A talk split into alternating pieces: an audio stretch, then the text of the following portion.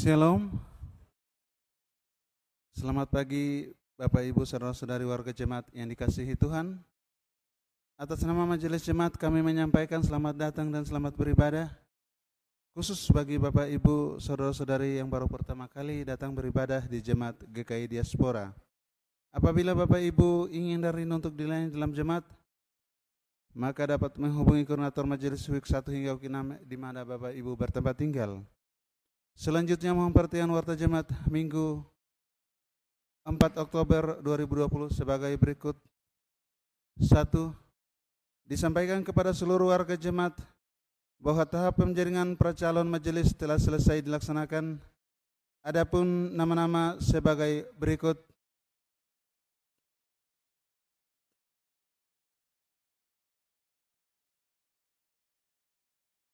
Week 1 calon penatua Octavianus Desanda, Pit Kurni, Melkianus Habloid, Luluk Siswanti, Salomina Salomi, Alfia Sonya Kelasina, Rina Rangan, Tri Cahyo SN, Maran Gultom, Rini Suhartini, Rubianto Parinding, Ibu S. Sihombing, Alfrida Tandipayung. Calon Semas, Eka Sofian Sifatu, Ibu Masni, Frans Irwanto Sarasak, Sarah A. Garjalai, Yunengsi, Dewi Sodarsono, Yuyung Agustina, Elisa Salakai, Ardiles Gerden, Charles Wanma, Nelly Banegau. Week 2, calon penatua, kemasan Jack Komboy, Jeremias Jacob Riwadan, Purnama Pererungan, Devort Ishak, Agustinus BG Garpenase, Deborah Merauje, Raflos Dorangi, John L. Numbefor, Ruben Anto Gospakrik, Naftali Kalayukin.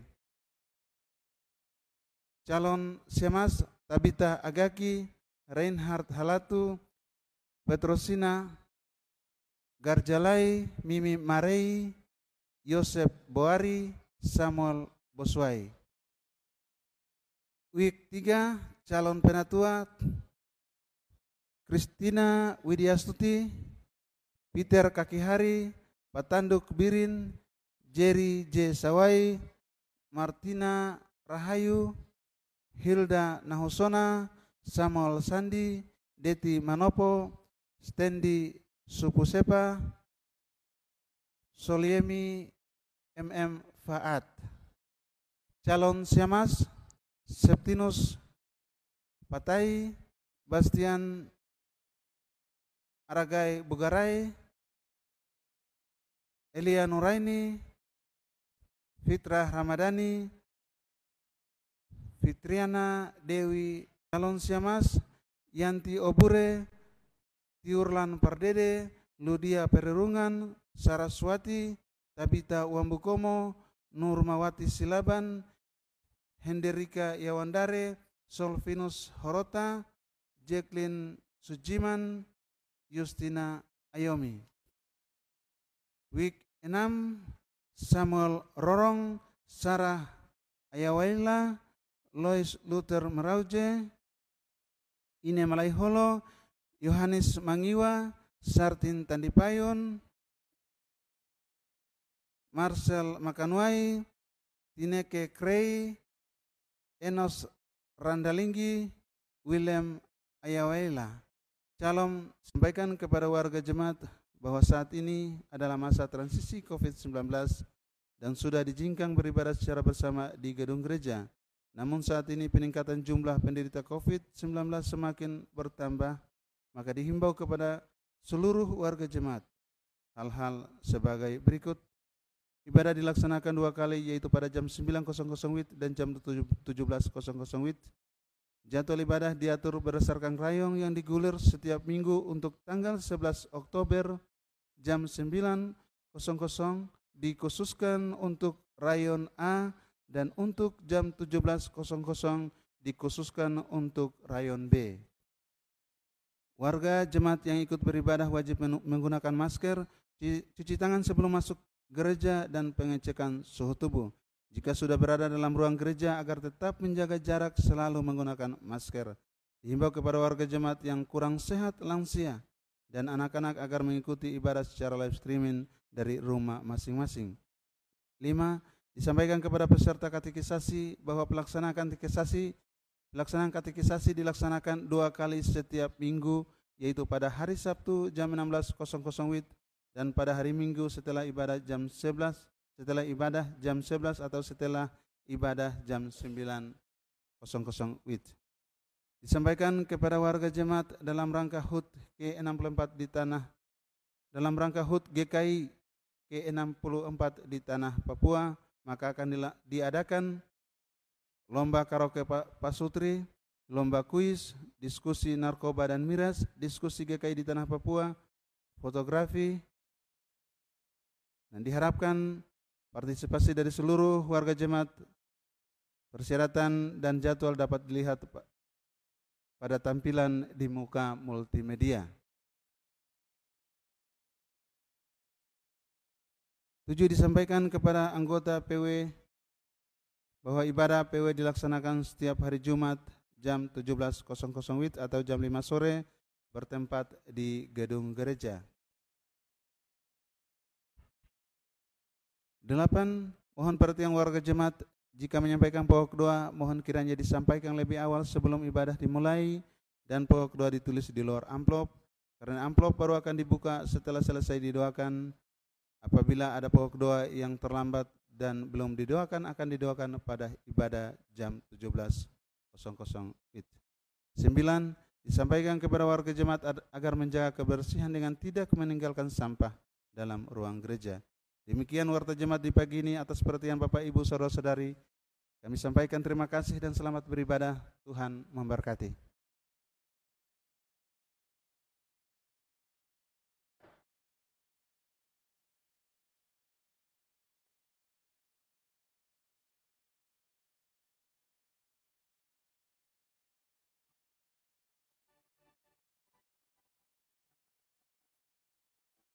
Shalom.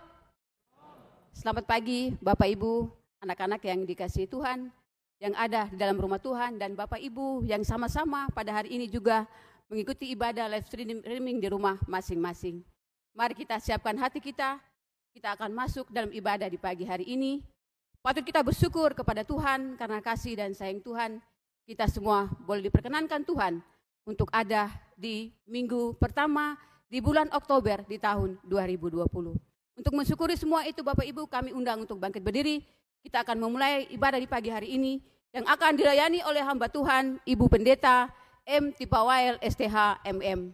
Bapak Ibu yang dikasih Tuhan yang ada di dalam gereja maupun yang ada di rumah, kita buka sama-sama dari nyanyian rohani nomor dua, kita nyanyikan ayat satu dan ayat yang kedua. Ya Tuhan kami puji namamu besar.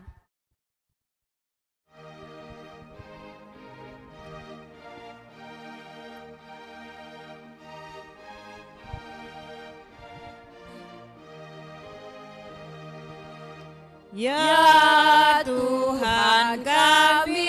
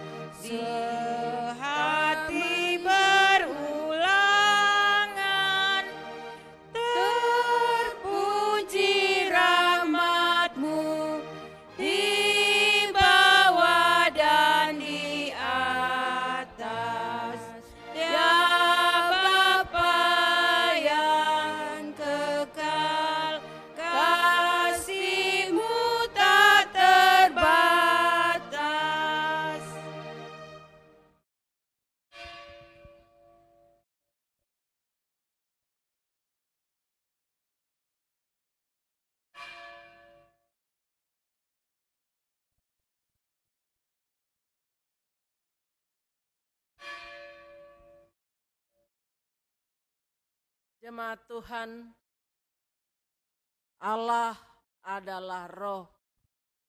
Untuk itu marilah kita menghadap Allah dalam roh dan kebenaran. Kita beribadah. Hambamu bersama-sama dengan semua umat di pagi hari ini datang dalam hadiratmu. Dalam ibadah yang kami buat.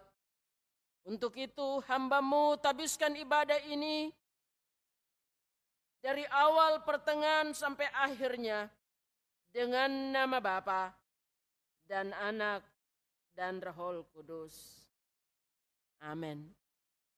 Ada salam dari Yesus Kristus, kasih karunia dan sejahtera kiranya atas saudara-saudara dari Allah Bapa dan Tuhan Yesus Kristus. Amin. Kita mencari dan memuji Tuhan dari nyanyian Mazmur 150 ayat pertama dan ayatnya yang kedua. Haleluya, pujilah. Haleluya,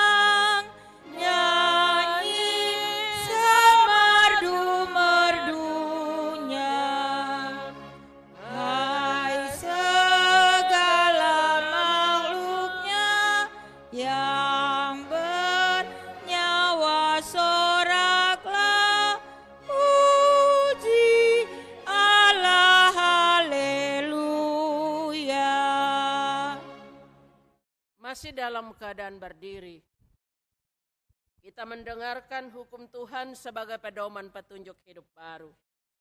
Dari Roma pasal 12 ayat 9 sampai 21, nasihat untuk hidup dalam kasih. Hendaklah kasih itu jangan pura-pura. Jauhilah yang jahat dan lakukanlah yang baik.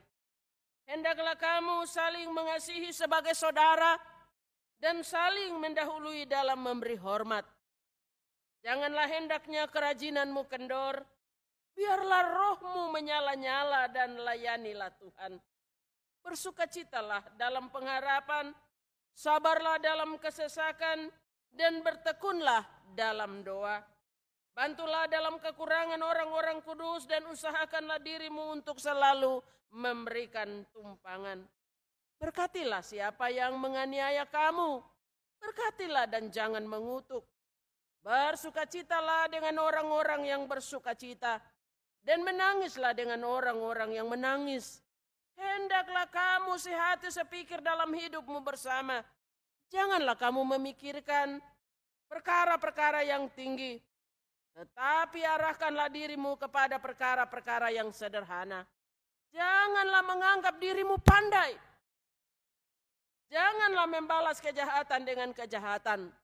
Lakukanlah apa yang baik bagi semua orang. Sedapat-dapatnya kalau hal itu bergantung padamu. Hiduplah dalam perdamaian dengan semua orang. Saudara-saudaraku yang kekasih, Janganlah kamu sendiri menuntut pembalasan, tetapi berilah tempat kepada murka Allah. Sebab ada tertulis pembalasan itu adalah hakku. Akulah yang akan menuntut pembalasan firman Tuhan. Tetapi jika seterumu lapar, berilah dia makan. Jika ia haus, berilah dia minum. Dengan berbuat demikian, kamu menumpukan bara api di atas kepalanya. Janganlah kamu kalah terhadap kejahatan, tetapi kalahkanlah kejahatan dengan kebaikan. Demikian hukum Tuhan bagi jalan hidup saudara-saudara dan saya. Jemaat dipersilakan untuk duduk kembali.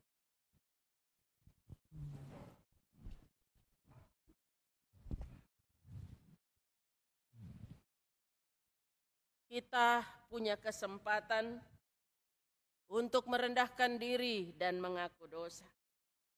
Dan kita juga punya kesempatan untuk mendengarkan berita keampunan. Berturut-turut jemaat menyiapkan nyanyian Mazmur 6 ayat pertama dan yang kedua setelah kita merendahkan diri dan mengaku dosa.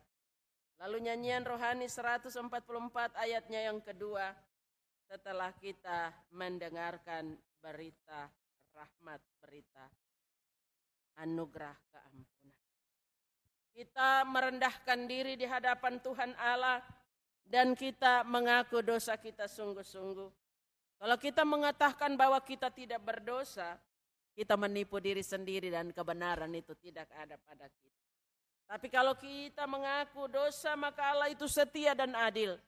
Sehingga ia mengampuni kita akan segala dosa dan menyucikan kita dari segala kejahatan. Kita berdoa.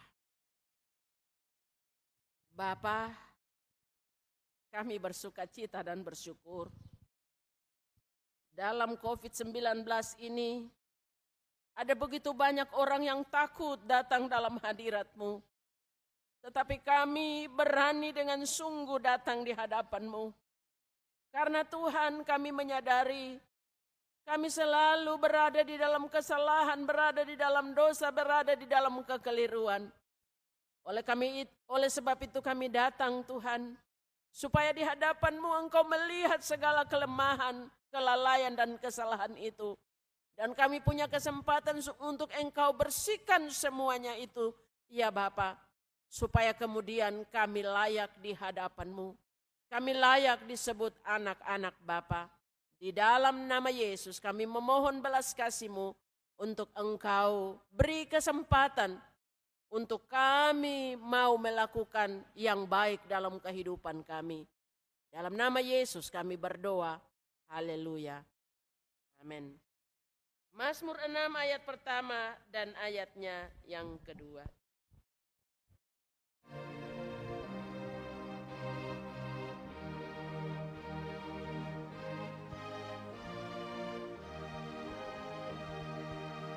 Sayangi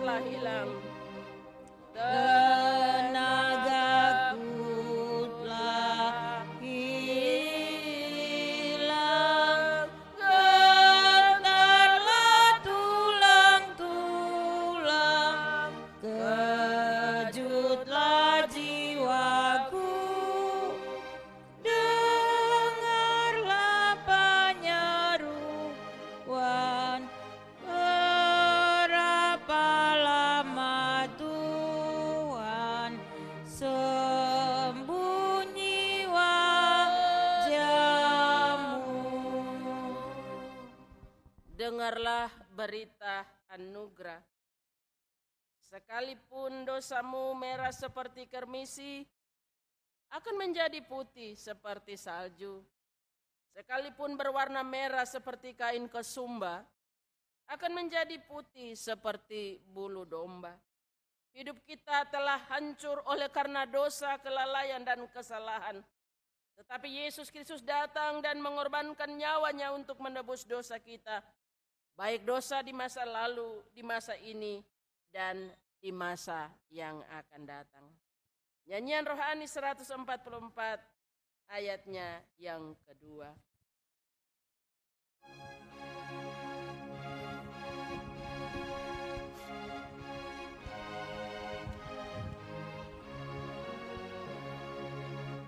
Sesungguhnya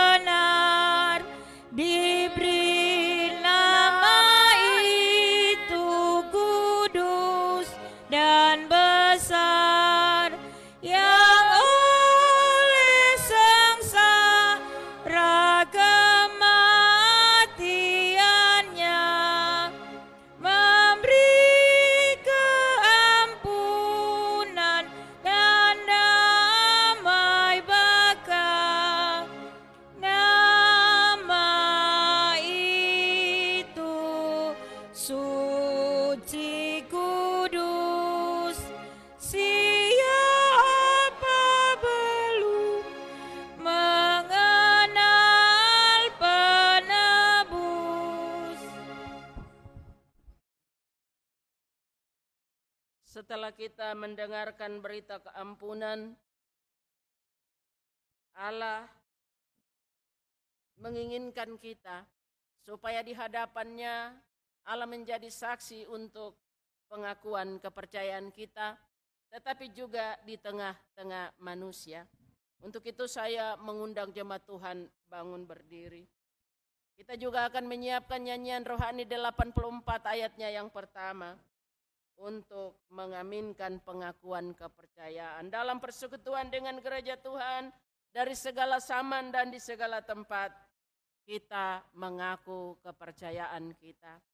Aku percaya kepada Allah Bapa yang Maha Kuasa, Halik langit dan bumi, dan kepada Yesus Kristus, anaknya yang tunggal Tuhan kita, yang dikandung daripada Roh Kudus, lahir dari anak darah Maria, yang menderita di bawah pemerintahan Pontius Pilatus, disalibkan, mati dan dikuburkan turun ke dalam kerajaan maut.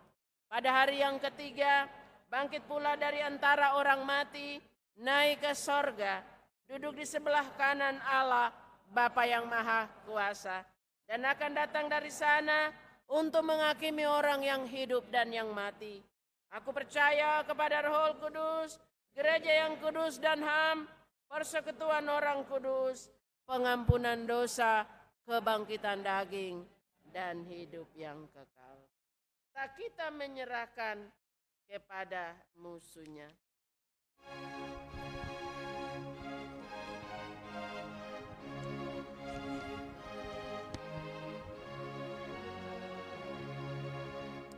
Tak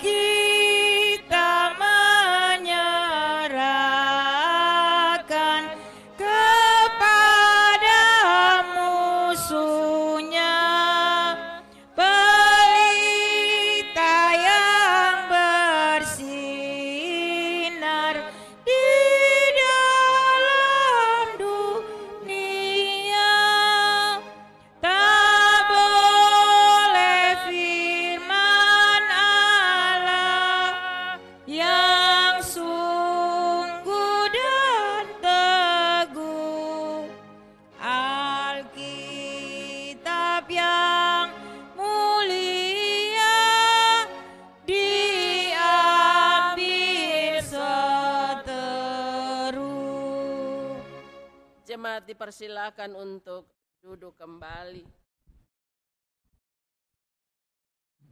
Bagian firman Tuhan bersama-sama kita akan buka dari dalam perjanjian lama dari Mazmur 49.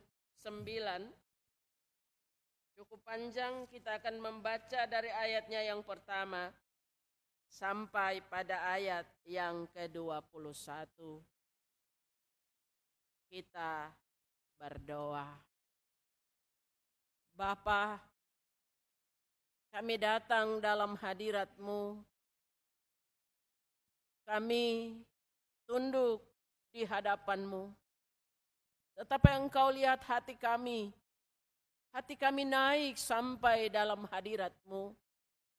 Karena Tuhan, kalau kami boleh ada sebagaimana kami ada sampai saat ini, itu bukan hebat dan kuat kami.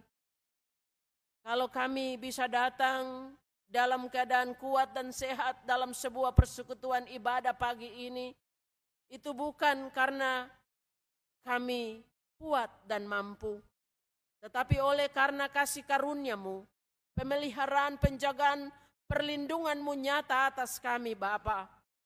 Kami datang tetap dalam protokol kesehatan. Kami percaya itu pula yang Engkau inginkan. Tetapi kami datang Tuhan untuk mendengar bagian firman Tuhan. Karena dari bagian firman Tuhan kami akan mendapat kekuatan baru. Kami akan mendapat sukacita dan kebahagiaan yang berasal dari bagian firman Tuhan ini. Oleh sebab itu hamba minta bersama-sama dengan seluruh jemaat. Mari Bapa engkau berkati kami. Urapi kami dengan kekuatan roh kudusmu ya Bapa. Mampukan kami untuk mengerti bagian firman Tuhan ini. Supaya kemudian ketika engkau menyempurnakan firman Tuhan ini bagi kami dan ketika kami pulang. Kami pulang dalam rasa damai dan sejahtera. Kami pulang dalam sukacita dan ibadah yang kami buat. Firman Tuhan yang kami buat ini Tuhan tidak menjadi sia-sia. Memang hambamu menyadari, hambamu memberitakan kebenaran firman dalam ke, keterbatasan dan kekurangan hambamu. Tapi Tuhan engkau yang punya kesempurnaan itu. Oleh sebab itu sempurnakan firman ini dan sempurnakan kami semua. Dalam nama Yesus kami sambut bagian firman Tuhan. Amin. Mazmur 49 ayat pertama sampai pada ayat 21 kebahagiaan yang sia-sia. Untuk pemimpin biduan dari Bani Kora Masmur. Dengarlah hai bangsa-bangsa sekalian. Pasanglah telinga hai semua penduduk dunia. Baik yang hina maupun yang mulia. Baik yang kaya maupun yang miskin bersama-sama. Mulutku akan mengucapkan hikmat yang di yang direnungkan hatiku ialah pengertian. Aku akan menyendengkan telingaku kepada Amsal dan mengutarakan peribahasaku dengan bermain kecapi. Mengapa aku takut pada hari-hari celaka? Pada waktu aku dikepung oleh kejahatan pengejar-pengejarku. Mereka yang percaya akan harta bendanya dan memegahkan diri dengan banyaknya kekayaan mereka. Tidak seorang pun dapat membebaskan dirinya atau memberikan tebusan kepada Allah ganti nyawanya. Karena terlalu mahal harga pembebasan nyawanya dan tidak memadai untuk selama-lamanya. Supaya ia tetap hidup untuk seterusnya dan tidak melihat lubang kubur. Sungguh akan dilihatnya orang-orang yang mempunyai hikmat mati dan orang-orang bodoh dan dungu pun binasa bersama-sama dan meninggalkan harta benda mereka untuk orang lain. Kubur mereka ialah rumah mereka untuk selama-lamanya, tempat kediaman mereka turun-temurun. Mereka menganggap ladang-ladang milik mereka, tetapi dengan segala ke kegemilangnya manusia tidak dapat bertahan. Ia boleh disamakan dengan hewan yang dibinasakan. Inilah jalannya orang-orang yang percaya kepada dirinya sendiri. Ajal orang-orang yang gemar akan perkataannya sendiri. Seperti domba mereka meluncur ke dalam dunia orang mati. Digembalahkan oleh maut. Mereka turun langsung ke kubur. Perawakan mereka hancur. Dunia orang mati menjadi tempat kediaman mereka. Tetapi Allah akan membebaskan nyawaku dari cekeraman dunia orang mati sebab ia akan menarik aku. Janganlah takut apabila seseorang menjadi kaya, apabila kemuliaan keluarganya bertambah, sebab pada waktu matinya semuanya itu tidak akan dibawanya serta kemuliaannya tidak akan turut mengikuti dia. Sekalipun ia menganggap dirinya dirinya berbahagia pada masa hidupnya, sekalipun orang menganjungnya, men, menyanjungnya karena ia berbuat baik terhadap dirinya sendiri. Namun ia akan sampai kepada angkatan nenek moyangnya dan tidak akan melihat terang untuk seterusnya. Manusia yang dengan segala kegemilangnya tidak mempunyai pengertian boleh disamakan dengan hewan yang dibinasakan. Demikian jauh pembacaan firman Tuhan.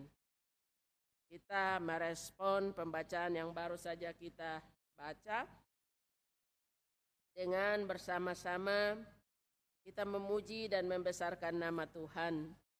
Dari nyanyian Kidung Jemaat 393 ayat 1, 2 dan seterusnya. Kalau persembahan kita masih berjalan, maka kita akan lanjut dengan Mazmur 136 ayat 1 dan seterusnya. Tuhan mengasihi orang yang memberi dengan sukacita. Nyanyian Mazmur, nyanyian Kidung Jemaat 393.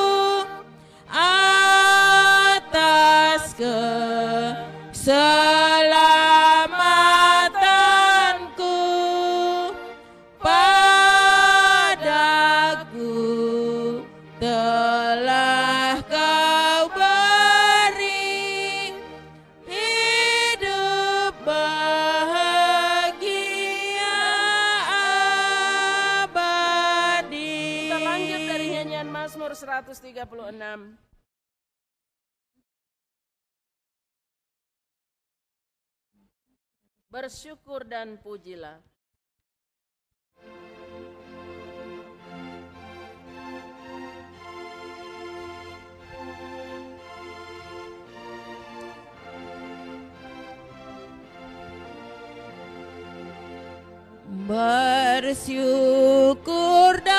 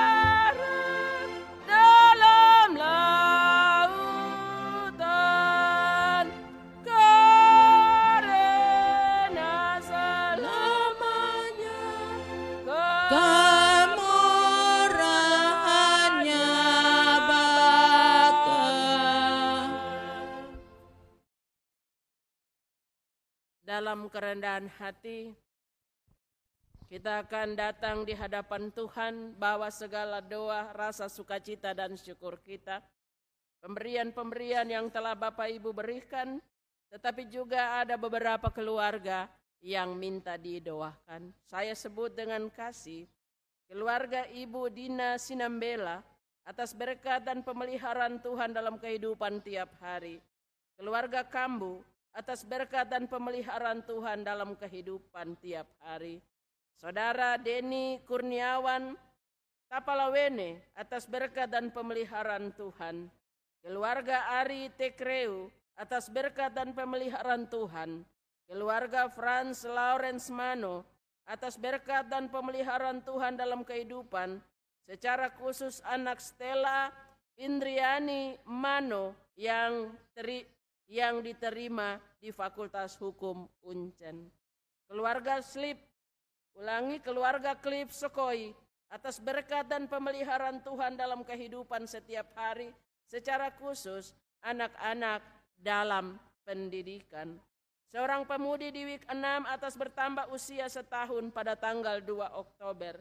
Keluarga Musa R. Kambu di week 4 atas berkat dan pemeliharaan Tuhan dalam kehidupan. Keluarga P. Biring atas berkat dan pemeliharaan Tuhan dalam kehidupan. Salah satu di keluarga week 2 atas berkat dan pemeliharaan Tuhan dalam kehidupan tiap-tiap hari.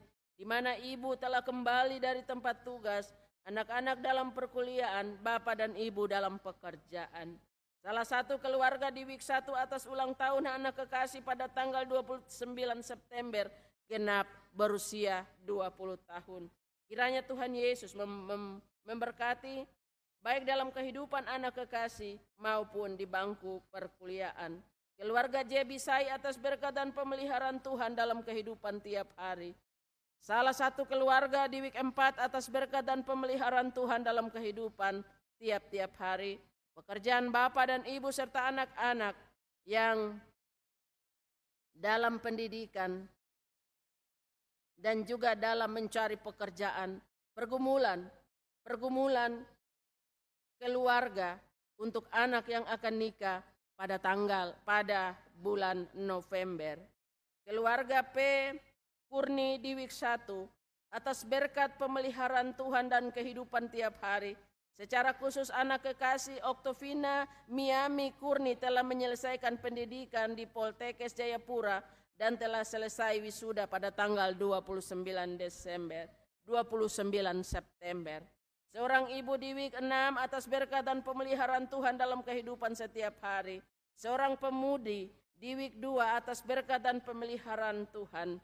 Salah satu keluarga dalam jemaat atas berkat dan pemeliharaan Tuhan dalam kehidupan keluarga tiap hari secara khusus anak Agatha Parinding telah menyelesaikan pendidikan di Poltekkes Jayapura dan telah selesai diwisudahkan pada tanggal 29 September 2020 dan akan melanjutkan pendidikan profesi nurse di Poltekkes Pertolongan Tuhan Yesus untuk anak-anak dan dalam tugas pekerjaan dan juga anak-anak yang masih di dalam pendidikan.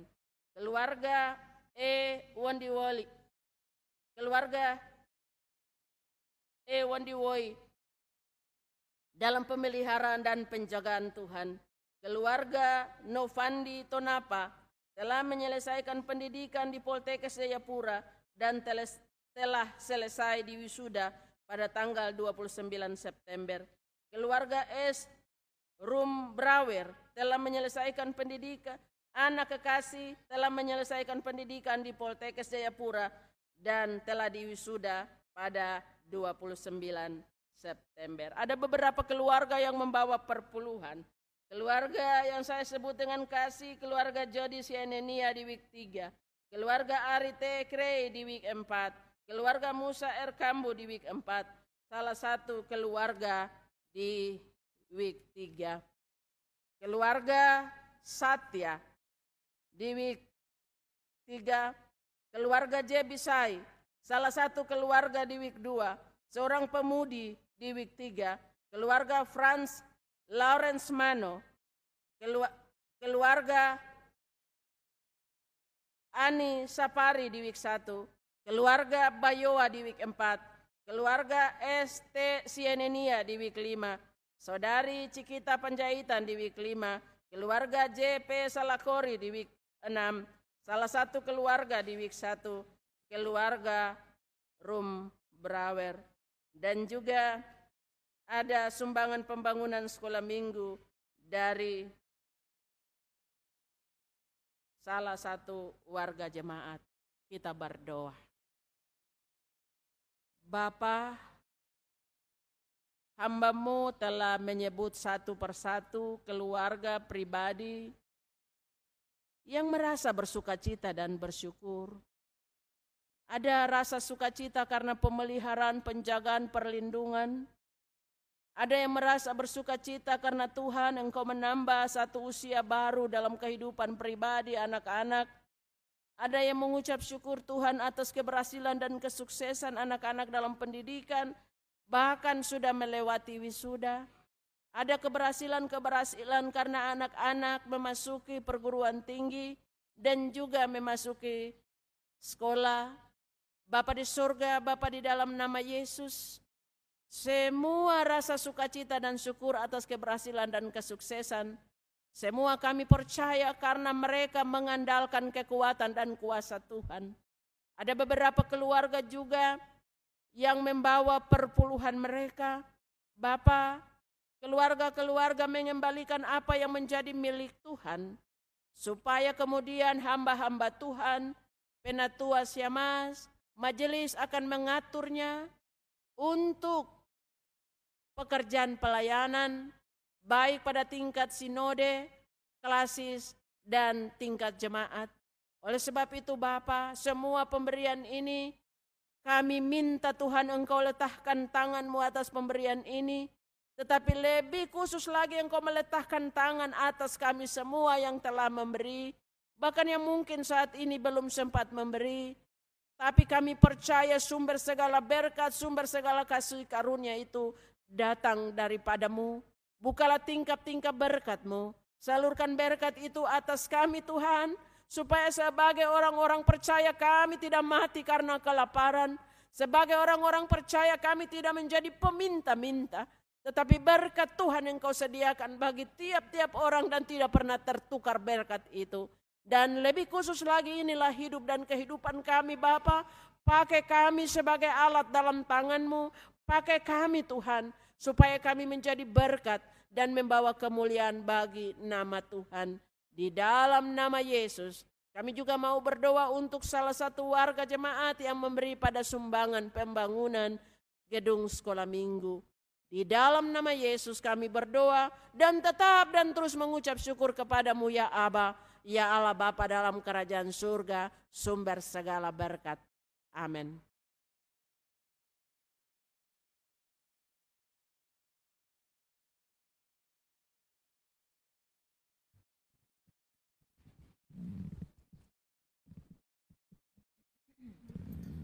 Jemaat yang diberkati Tuhan, kita kembali pada pembacaan kebahagiaan yang sia-sia.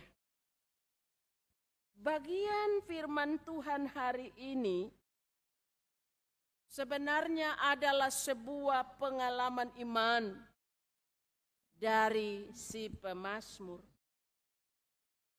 di mana si pemazmur mem memberitahukan kepada Bapak, Bapak Ibu saudara-saudara dan saya bahwa pengalamannya dia adalah orang benar. Tapi dia dikejar-kejar hendak dibinasakan oleh orang-orang yang punya kekuatan, oleh orang-orang yang punya kekuasaan, yang juga adalah orang-orang kaya, pembesar, pembesar yang sombong. Bapak Ibu, kalau kita orang kecil, kalau kita dikejar oleh penguasa, kita dikejar oleh pembesar-pembesar yang sombong, siapa yang tidak gemetar? Siapa yang tidak takut? Ketika pasukannya datang untuk mengejar dan ingin membinasakan kita. Sehingga pemazmur ini dia merasa bahwa dia terancam. Dia merasa bahwa dia begitu gemetar dan takut. Dia merasa bahwa kematian dan maut itu sudah ada di depannya. Namun dalam rasa takut yang luar biasa itu,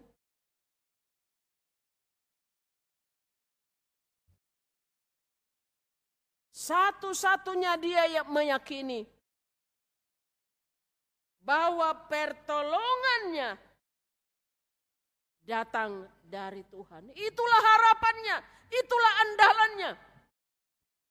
Dalam keadaan gemetar, dalam keadaan takut dan terancam, kematian sudah ada di depan dia. Andalannya hanyalah Tuhan yang telah menciptakan dia dari pengalaman keselamatan yang Tuhan yang Tuhan buat dalam pengalaman hidupnya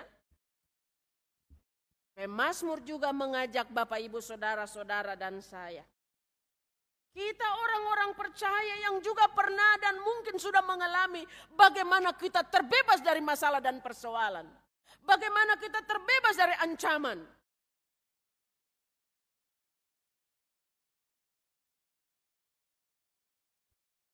Pergumulan-pergumulan yang pemazmur alami, tapi pergumulan-pergumulan yang mungkin saja pernah dialami oleh Bapak, Ibu, Saudara-saudara dan saya, saya haruslah menjadi pengajaran dan hikmat bagi kita secara pribadi. Si pemazmur bilang jangan mengandalkan harta. Jangan mengandalkan kekuatan. saudara. Jangan mengandalkan hebat saudara.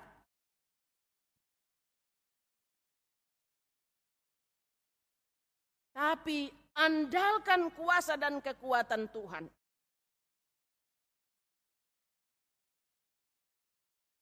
Dia mengingatkan kepada Bapak Ibu Saudara dan saya kita semua sama di hadapan Tuhan. Yang miskin, yang kaya, tua, muda. Besar kecil kita dipanggil untuk menjadi pelaku firman Tuhan.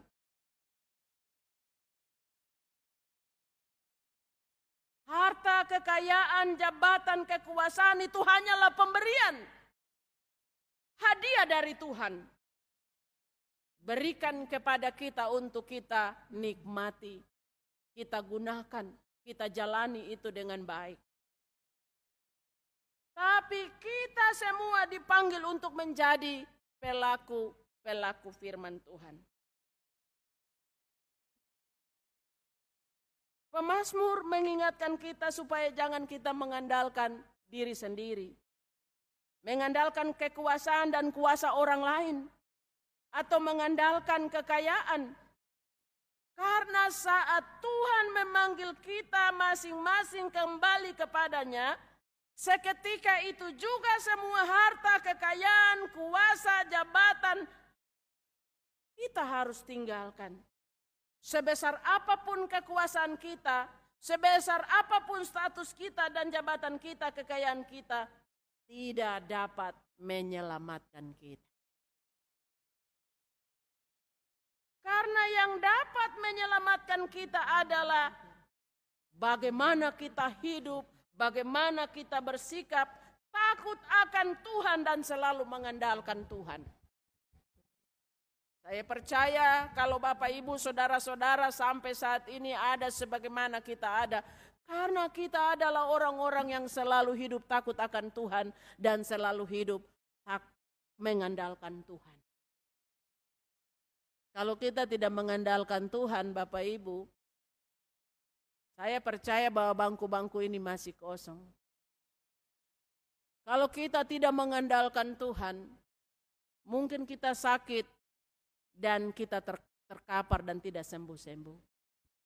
Kita mengandalkan Tuhan sehingga sekalipun kemudian kita sakit, kita percaya bahwa penyakit tidak membawa maut, Tuhan akan menyembuhkan kita dengan cara Tuhan sendiri. Karena yang dapat menyelamatkan kita adalah kita sendiri. Yang mana karena kita hidup takut akan Tuhan. Yang mana kita mengandalkan Tuhan. Itu berarti saudara-saudara sekali-kali tidak boleh mengandalkan diri sendiri. Tidak boleh mengandalkan kuasa, jabatan, status. Karena semua firman Tuhan bilang itu fana. Itu sia-sia.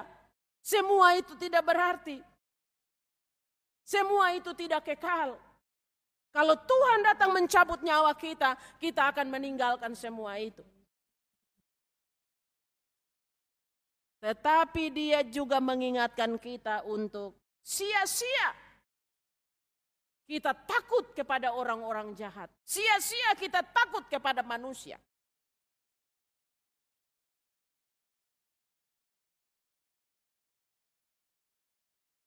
Jadi kita tidak boleh takut kepada siapa pun, takut kepada apa pun. Memang COVID-19 ini membuat kita ketakutan. Ketika kita mendengar berita bahwa ada begitu banyak orang rebah, ada begitu banyak orang terkapar, terpapar. Tapi bagian firman Tuhan mengingatkan bahwa sekalipun seribu orang rebah di hadapan kita, kita akan tetap berdiri. Orang percaya adalah orang yang jatuh dan mampu bangun dan bangkit kembali. Jadi kita tidak perlu takut kepada kejahatan. Kita juga tidak tidak boleh takut kepada apa pun yang saat ini kita alami, segala berbagai penyakit. Karena Tuhanlah yang mengatur hidup kita.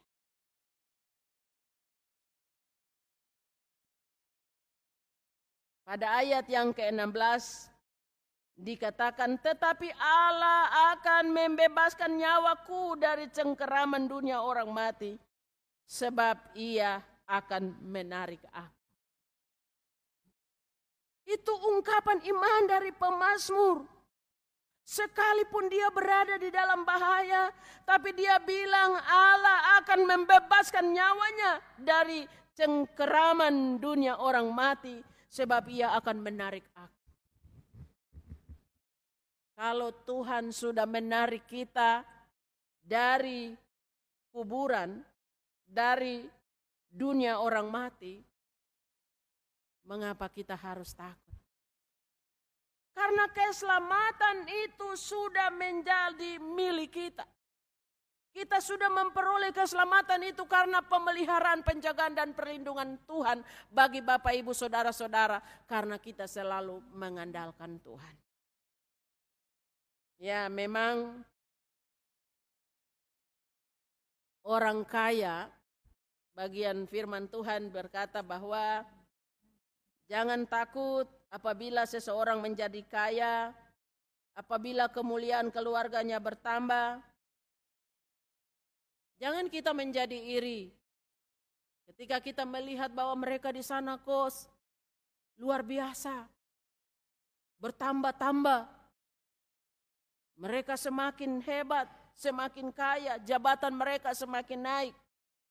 Tapi Tuhan bilang, sebab pada ayat yang ke-18, sebab pada waktu matinya, semuanya itu tidak akan dibawanya serta. Kemuliaannya tidak akan turut turun mengikuti dia.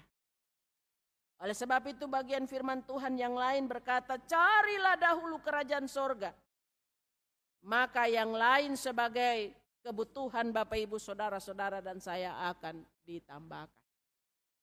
Jadi kekayaan, jabatan, status kita itu itu bonus yang Tuhan berikan kepada kita. Yang Tuhan inginkan carilah Tuhan, andalkan Tuhan dalam setiap hidup dan kehidupan kita.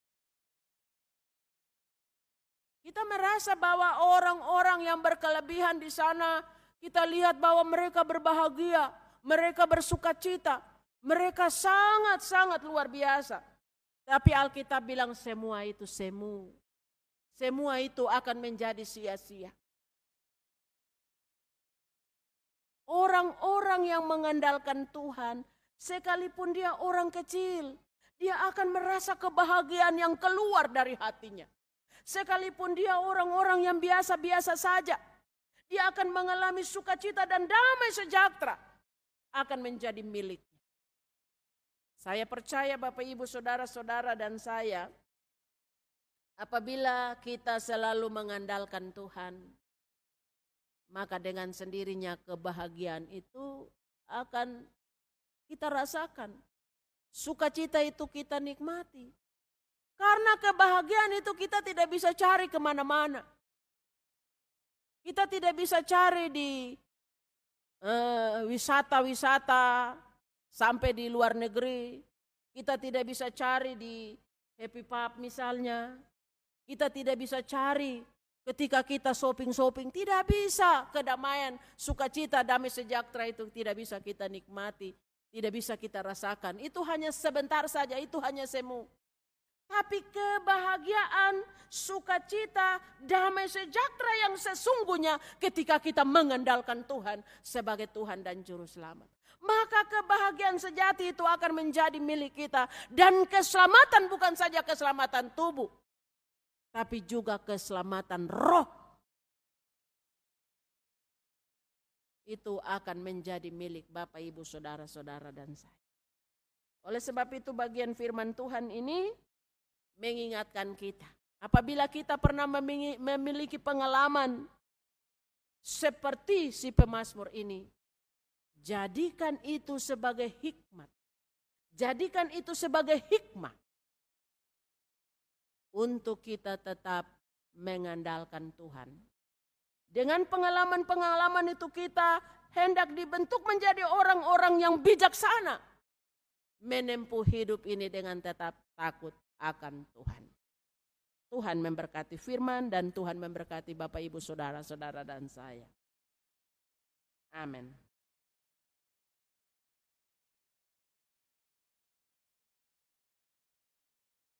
Mari kita tunduk dan masuk dalam syafaat. Kita berdoa. Bapa, kami datang kepadamu. Kalau selama ini kami masih mengandalkan ke kehebatan, kekuatan, kuasa status kami, bahwa kami mampu membeli nyawa kami, kami mampu membayar dokter, kami mampu mengongkos berobat ketika kami sakit. Bapa kami minta ampun. Karena kami tidak bisa membawa membayar nyawa kami dengan harta, kekayaan atau jabatan. Karena sesungguhnya nyawa kami ada di dalam tanganmu. Sesungguhnya nyawa kami ada dalam genggamanmu. Kalaupun kami mengalami tantangan hidup, pergumulan, persoalan. Bahkan kalaupun maut sudah ada di depan kami, maka kami yakin sungguh bahwa engkau akan menarik kami dari lubang kubur, dari kematian dan maut itu. Oleh sebab itu Tuhan engkau berkati kami dan kuasai kami dengan kekuatan roh kudusmu supaya kami selalu belajar untuk mengandalkan Engkau dalam situasi, dalam kondisi, dalam apa pun yang kami alami.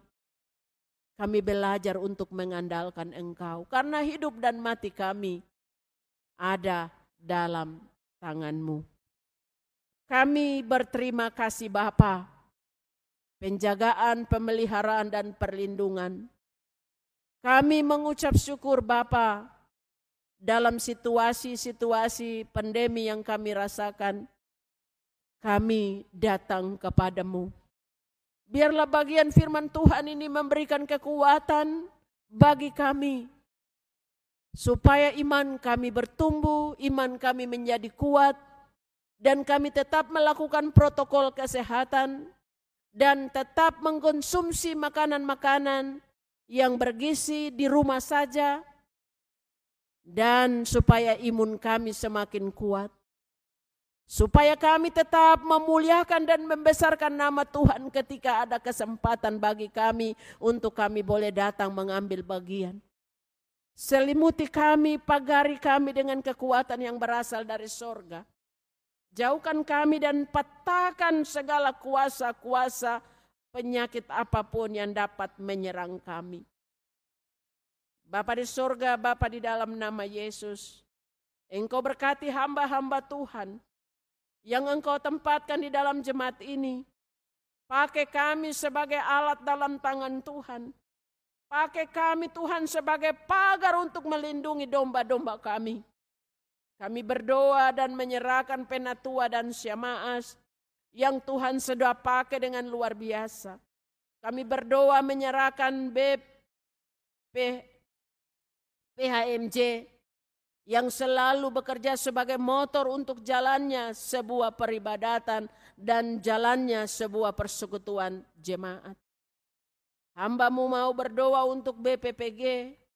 Tuhan pakai mereka sebagai alat dalam tangan Tuhan untuk terus memeriksa kami dan terus melatih supaya jujur di hadapan Tuhan mengolah semua pemberian-pemberian yang kami olah. Kami berdoa untuk pekerja-pekerja gereja. Kami berdoa Tuhan untuk kepala-kepala keluarga, ibu-ibu rumah tangga dengan setiap pergumulan, permasalahan dan tantangan hidup. Kami berdoa untuk anak-anak yang boleh melanjutkan pendidikan di perkuliahan, anak-anak dalam pendidikan SMU, SMK, SMP, SD, TK PAUD. Walaupun betul betapa sulitnya mereka memasuki pendidikan dengan online Tuhan. Tetapi kami percaya kecerdasan, kepintaran adalah milikmu yang nanti engkau salurkan kepada mereka. Bapa di surga, Bapa di dalam nama Yesus jaga kami. Pribadi-pribadi, jaga kami semua-semua jemaat. Hambamu mau berdoa untuk panitia penjaringan Majelis Jemaat 2021-2026. Apabila ada nama-nama yang kemudian engkau pakai dan engkau panggil, janganlah engkau janganlah mereka tolak. Inilah kesempatan terbaik untuk kami melayani Engkau Tuhan. Inilah waktu kami Tuhan untuk melayani Engkau. Bapa di surga, Bapa di dalam nama Yesus, oleh karena kami mengandalkan Engkau, maka kami juga mau belajar untuk menjadi hamba-hamba Tuhan yang setia dalam panggilan kita. Bapa di surga, Bapa di dalam nama Yesus, dalam rasa sukacita syukur dalam doa-doa kami, secara khusus kami berdoa untuk beberapa pribadi, keluarga yang pada saat ini dalam keadaan sakit, tetapi juga ada beberapa dalam keadaan pemulihan. Hamba berdoa kepada Syamas Jekrei dalam pemulihan. Bapak Nomensen rumpai sum sakit dan dirawat di rumah. Penatua Fit Kurni dalam pemulihan di rumah dan hari ini boleh mengambil bagian dalam pelayanan. Penatua Peter Rahawaren dalam pemulihan di rumah. Anak Alvaro dua lembang dalam pengobatan di Makassar. Tuhan engkau dokter dan tabib bagi anak ini. Kami kita juga berdoa bersama-sama dengan Bapak Sal Salmoni Mane sakit di rumah. Bapak Tri Cahyo dalam pemulihan. Ibu Lamria Situmeang Manik sakit dan dirawat di rumah sakit Abepura. Bapak Desa Lakai dalam pengobatan di Semarang. Ibu Hermalina Dasinapa Yarangga sakit dan dirawat di rumah dalam rencana pengobatan ke Makassar. Bapak J. Suwarno dan Ibu Suwarno dalam pemulihan di rumah. Ibu Ros Rumpaisum pemulihan di rumah. Ibu Irene Taran Sineri dirawat dan di rumah sakit Dian Harapan. Beri kekuatan kepada ibu kekasih. Ibu Nurmani Gulton Sinaga sakit di rumah. Saudara Paulo Rumere dalam pemulihan di rumah. Bapak Julius Agaki, orang tua dari Syamas. Agaki sakit di rumah. Jama, ya Tuhan Bapak kekasih dengan cara Tuhan sendiri. Kami berdoa secara khusus untuk orang-orang kekasih kami dalam lanjut usia yang boleh mengambil bagian dalam rumah-rumah Tuhan, tetapi juga yang ada di rumah mereka masing-masing. Ya Bapak kasih Tuhan menyertai mereka di sana, kami berdoa untuk mereka yang pada pagi hari ini tetap di rumah mengikuti ibadah lewat live streaming. Tuhan berkati mereka sama seperti Engkau berkati kami di sini.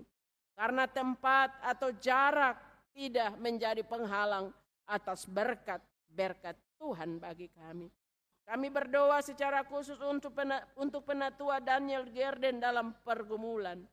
Panitia pembangunan gedung sekolah dan papan nama gereja Tim penjaringan Majelis Jemaat periode 2021-2026. Kondisi bangsa dan negara kami akibat COVID-19. Para pahlawan-pahlawan hebat yang terus bekerja untuk memutus rantai COVID-19 kami serahkan mereka ke dalam tangan Tuhan.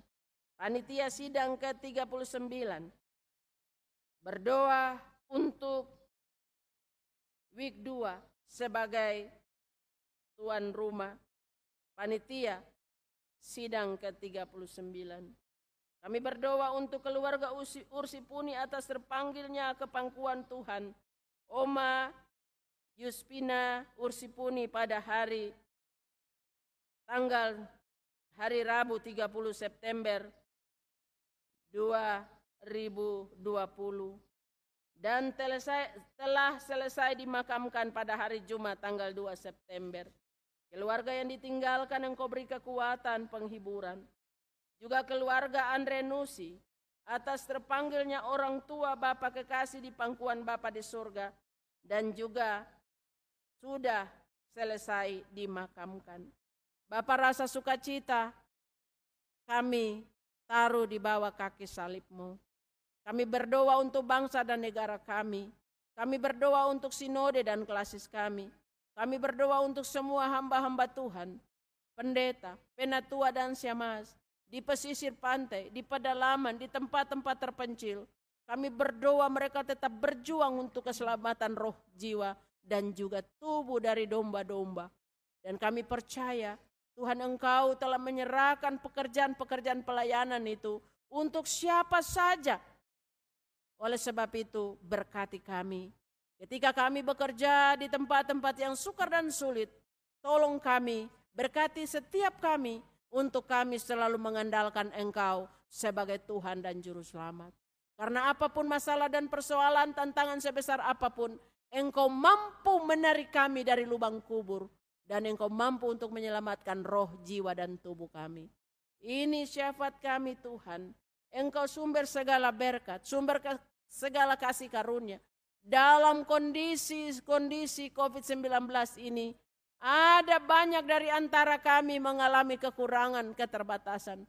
Tuhan engkau sumber segala berkat. Menyentuh kami semua dengan cara Tuhan supaya kami tidak menjadi peminta-minta, supaya kami tidak mati karena kelaparan, karena kami percaya sungguh bahwa Engkau sumber segala berkat.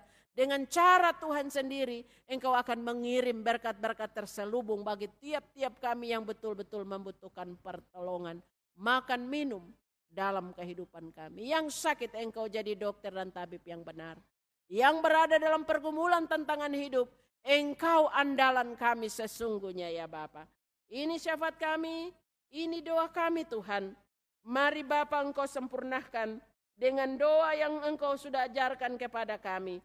Mari kita ucapkan doa Bapa kami bersama-sama. Bapa kami yang di sorga, dikuduskanlah namamu, datanglah kerajaanmu, jadilah kehendakmu di bumi seperti di sorga. Berilah kami pada hari ini makanan kami yang secukupnya dan ampunilah kami akan kesalahan kami, seperti kami juga mengampuni orang yang bersalah kepada kami. Dan janganlah membawa kami ke dalam pencobaan, tetapi lepaskanlah kami daripada yang jahat. Karena engkaulah yang mempunyai kerajaan dan kuasa dan kemuliaan sampai selama-lamanya. Amin. Jemaat yang diberkati Tuhan, kita akan mengakhiri ibadah kita dari Kidung Jemaat 388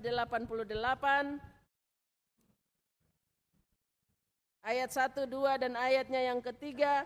Pada ayat yang ketiga saya mengundang kita untuk bangun berdiri. Kidung Jemaat 388.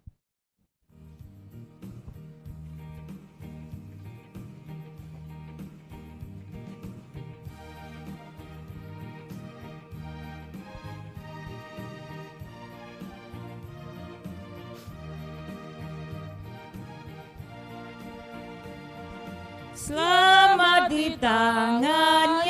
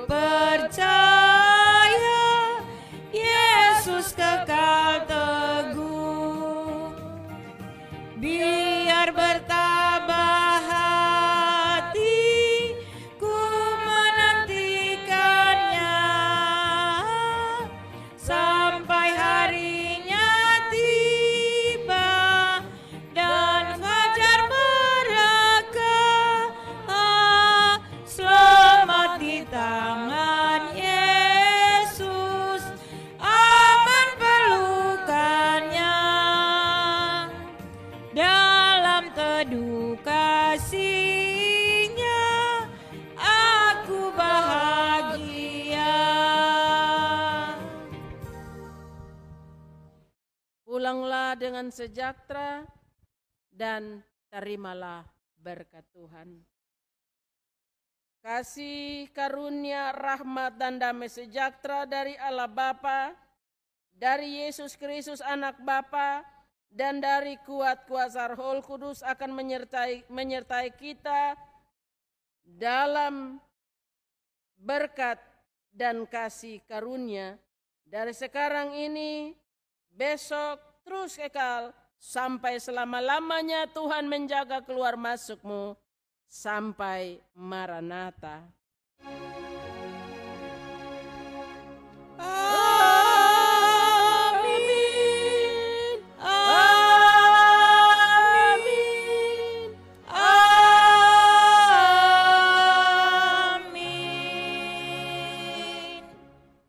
Ibadah kita selesai. Shalom.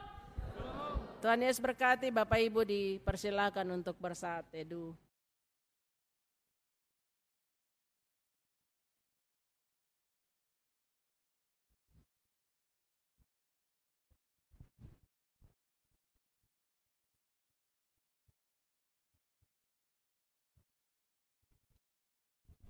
Saat teduh selesai.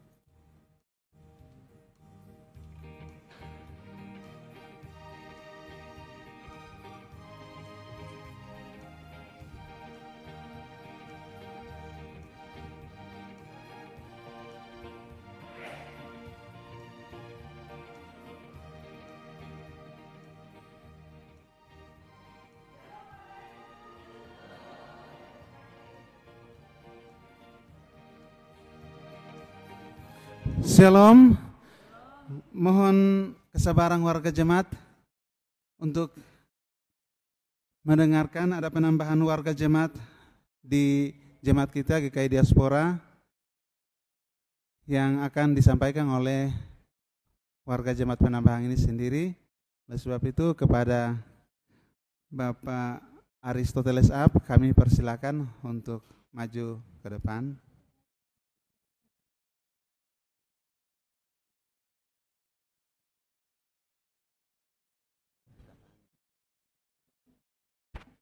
Ya, shalom. Ya, terima kasih eh, sekretaris atau PMD yang memberikan kesempatan kepada saya untuk memperkenalkan diri. Nama saya Aris Toteles Up. Ya, nama saya Aris Toteles Up. Eh, Majelis Jemaat GKI Elohim Sinerbo, Klasis Biak Selatan. Eh, periode yang seharusnya berakhir pada tahun depan. Namun karena saya dipindahkan ke Jayapura, dan saat ini bekerja di Dinas Kehutanan Provinsi Papua. Maka saya minta pindah dari Jemaat KKI Elohim Sinerbo kelas Biak Selatan ke Jayapura. Dan saat ini diterima di Jemaat GKI Diaspora Kota Dalam. Ya, saya berkeluarga, keluarga saya masih di Biak, nanti akan menyusul setelah mendapatkan tempat yang atau tempat penginapan. Saat ini berdomisili di Wiklima dengan adik keluarga Simon Manggapro. Sementara ada sama-sama di Wiklima. Saya kira itu saja dan akan bekerja bersama dengan rekan-rekan majelis yang ada di Wiklima Jemaat KKI Olim Sinerbo. Demikian perkenalan singkat dari saya. Terima kasih. Shalom.